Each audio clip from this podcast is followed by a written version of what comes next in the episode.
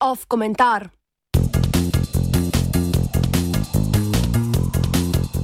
Razredna zavest prekarcev.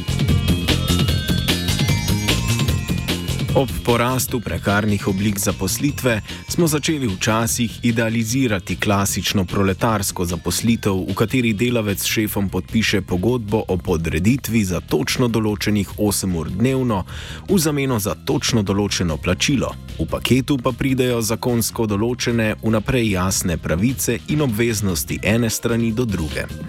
To se nam je ob vseh problemih s prekarnim delom začelo prikazovati kot tista od možnosti, ki je poštena poštena in neizkoriščevalska. Zahteva sindikatov, socialdemokratskih politikov in levih komentatorjev glede prekarnega dela je, naj prikrita zaposlitev postane odkrita.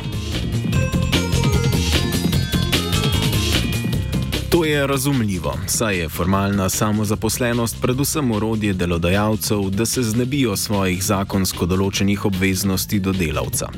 Klasični proletarec, ki točno ve, kakšen bo njegov dohodek konec meseca, je postal privilegiran v primerjavi s prekarcem. Prekarcu pred nadrejenim ni treba dokazovati bolezni zdravniškim opravičilom, ampak to je zato, ker za bolniško odsotnost ne bo plačan, tako da dejansko večkrat dela bolan.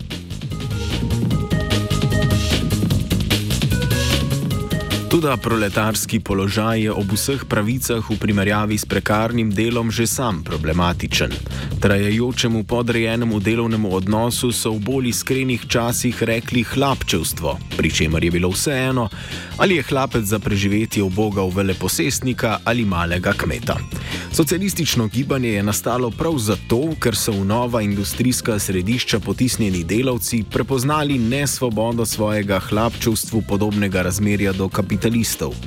Tako je z zgodovinske perspektive komično, da se sindikati danes borijo za vrnitev v to razmerje, čeprav je zdaj to, glede na usiljeno alternativo, razumljivo. Nekateri so postali prekarci po sili razmer in bi iz znanih razlogov veliko raje imeli delavske pravice in delavske dožnosti. Ampak obstajajo tudi taki, ki so se zavestno odločili za vstop v prekarjat. Če se tega slučajno niso zavedali prej, so v sindikatu Mladi Plus to spoznali, ko so poskušali organizirati dostavljavce platformnih podjetij Volt in Glovo. Mnogi dostavljavci so že prej opravljali nizko plačena dela, zraven pa so imeli prej za šefe še male tirane.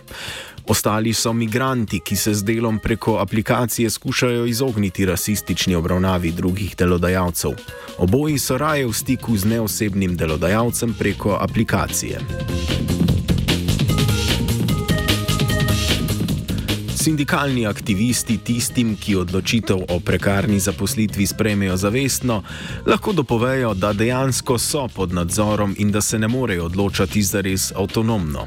Ampak pri Voltu ti šef vsaj osebno ne stoji tik za vratom in gleda pod prste. Tu šteje samo, da je delo na koncu opravljeno. Tako kot so cilji sindikata z zahtevo po kolektivni pogodbi in dolgoročneje po prepoznanju obstoja delovnega razmerja logični, je jasno tudi, odkot skepsa dostavljavcev do sindikalnih pobud. Res so naivni, če sami verjamejo, da so dejansko samostojni podjetniki in poslovni partnerji Volta, niso pa neumni, če nočejo biti proletarci.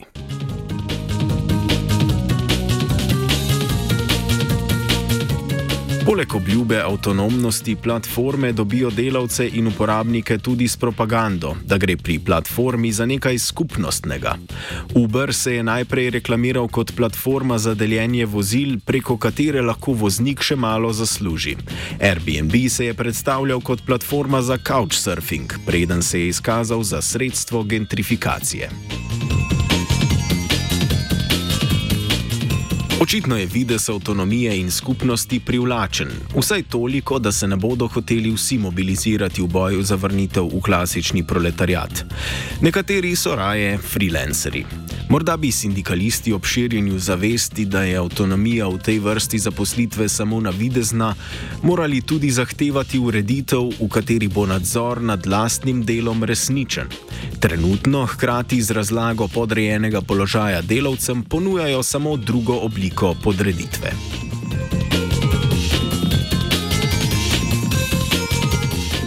Produkcijska sredstva so v platformnem poslovnem modelu formalno v lasti delavcev, oni pa dejansko ne odločajo, kako bodo z njimi razpolagali. Platformna podjetja uporabijo drug vzvod za vzpostavitev razmerja ekonomske odvisnosti, ki jo lahko izkoriščajo. Nadzirajo stik med strankami in kurirji. Dostavljavske platforme imajo prepoznavno znamko, zaradi katere morajo restauracije ponujati dostavo preko njih, če si želijo vidnosti in dostopa do potencijalnih potencialnih strank. Edini način, da dostavljavci pridejo do restauracij, je preko aplikacije. Podobno velja za Uber. Potnik ne bo klical neznanega taksista, ampak bo uporabil priročno Uberjevo aplikacijo.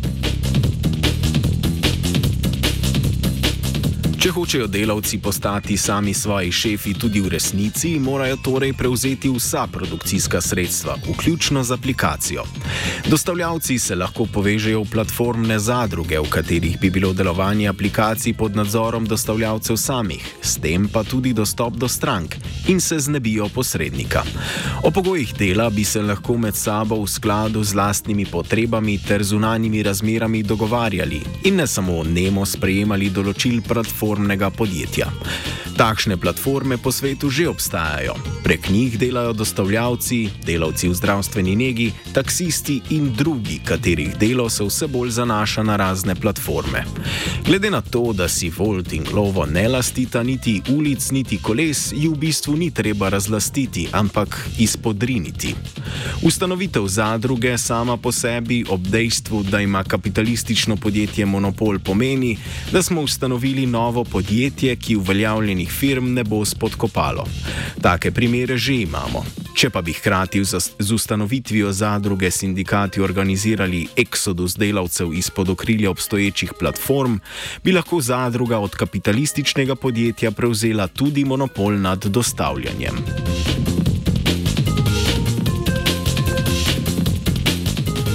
Platformno podjetje pravzaprav zgor, po, zgolj pobira privat davek od bolj ali manj samostojno upravljenega dela. Za avtonomije željne delavce je torej parazit, ki njihovo neodvisnost omejuje. Potencial za mobilizacijo platformnih delavcev in grajenje njihove razredne zavesti izhaja torej prav iz dejstva, da kot delavci platform dejansko niso avtonomni, pa bi radi bili. Želja po dejanski avtonomiji je kot izhodišče za mobilizacijo lahko relevantna samo, če je cilj samo upravljanje, ne pa to, da naredimo anomalno razmerje med šefom in delavcem pravilno. Komentiral je Matej.